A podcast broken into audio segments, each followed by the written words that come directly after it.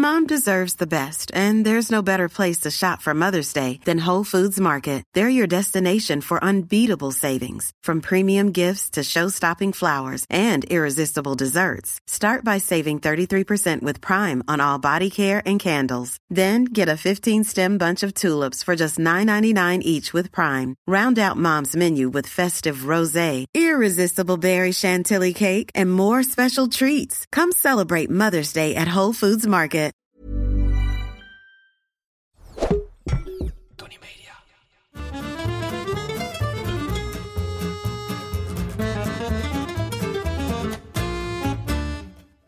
Ik ben Julius Jaspers en ik ben meer dan dol op eten. Iedere week pak ik één product uit mijn voorraadkast en zal jullie daar alles over vertellen. Vandaag is dat boter. Alles, maar echt alles wordt beter met boter. Du beurre, du du. Dat roept mijn vriendin Mara Grim altijd. En zij kan het weten, want zij woont in Parijs. Ik wil dit voor eens en altijd de wereld uit hebben. Boter wordt gemaakt van gestremde koeienmelk. Nooit van iets plantaardigs. Het is het meest prachtige product uit de keuken, dus waag het niet een margarine te noemen. Mijn vader noemde dat wagensmeer. Alhoewel, tegenwoordig kunnen ze bijna goed de botersmaak imiteren. Bijna. Een warme boterham met boter. Biefstuk gebakken in een klont boter. Boter om een saus te monteren. Een beschuit met boter en suiker. Dubbel gedopte tuinbootjes warm gemaakt met wat bieslook en een klont boter. En zo kan ik nog wel even doorgaan. Samen met citroen en ui is boter mijn favoriet in de keuken. Beurre de barat, licht gefermenteerd en iets langer gerijpt. Of beurre de Guérande met zeezout, waar het vocht in kleine druppeltjes nog uitloopt. Je maakt me gek. De historie van de boter is als de smaak, vol en rijk. Zoals de meeste lekkere dingen is boter per ongeluk uitgevonden. Een man wilde op een kameel melk verplaatsen in een dierenvel. En na een dag reizen bleek de melk te zijn veranderd in een heerlijke substantie. Zo werd 10.000 jaar geleden in Afrika de boter geboren.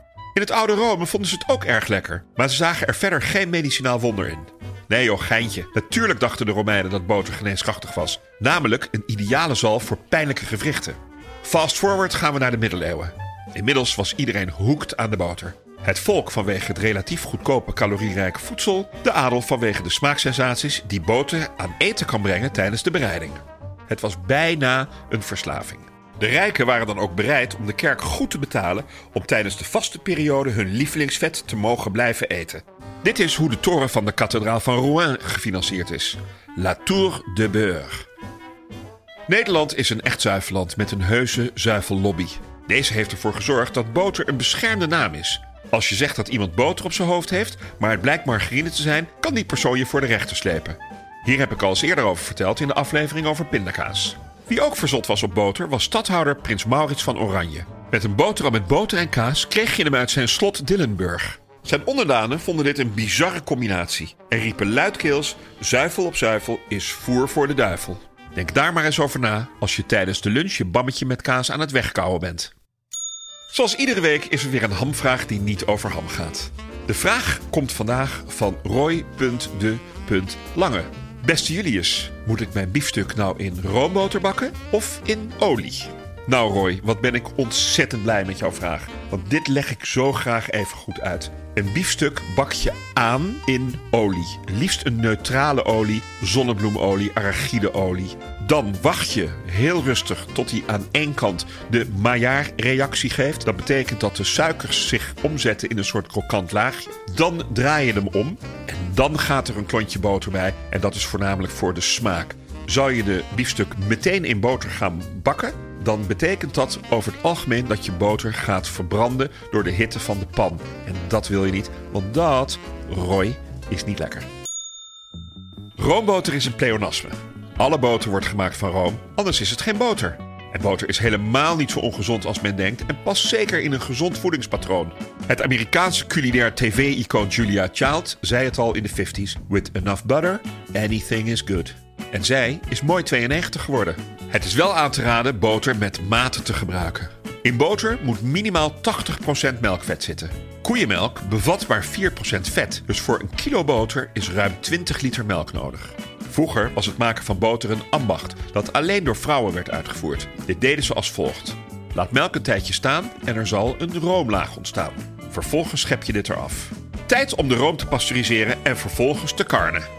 Karnen is het urenlang met de hand aanstampen van de vloeistof in een stootkarren. Hierdoor klonteren de vetdeeltjes en gaan ze drijven op de melk. Schep dit eruit en de overgebleven magere melk is de karnemelk.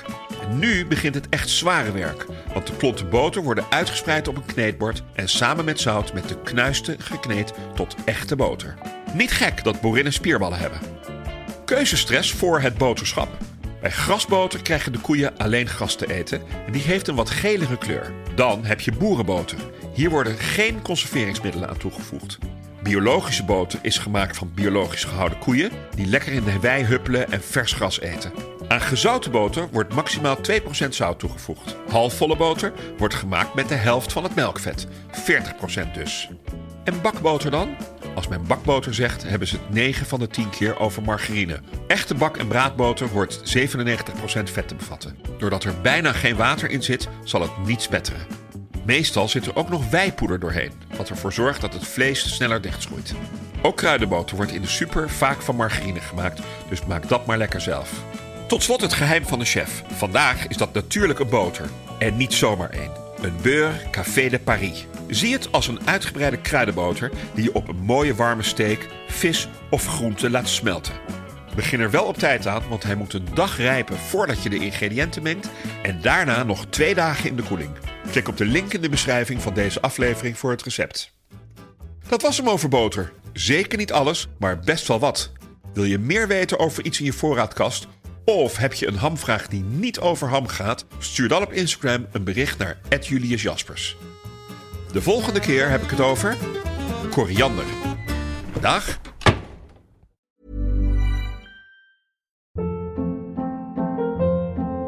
Hold up. What was that? Boring. No flavor. That was as bad as those leftovers you ate all week. Kiki Palmer here, and it's time to say hello to something fresh and guilt-free. Hello Fresh. Jazz up dinner with pecan-crusted chicken or garlic butter shrimp scampi. Now that's music to my mouth. Hello Fresh. Let's get this dinner party started. Discover all the delicious possibilities at hellofresh.com.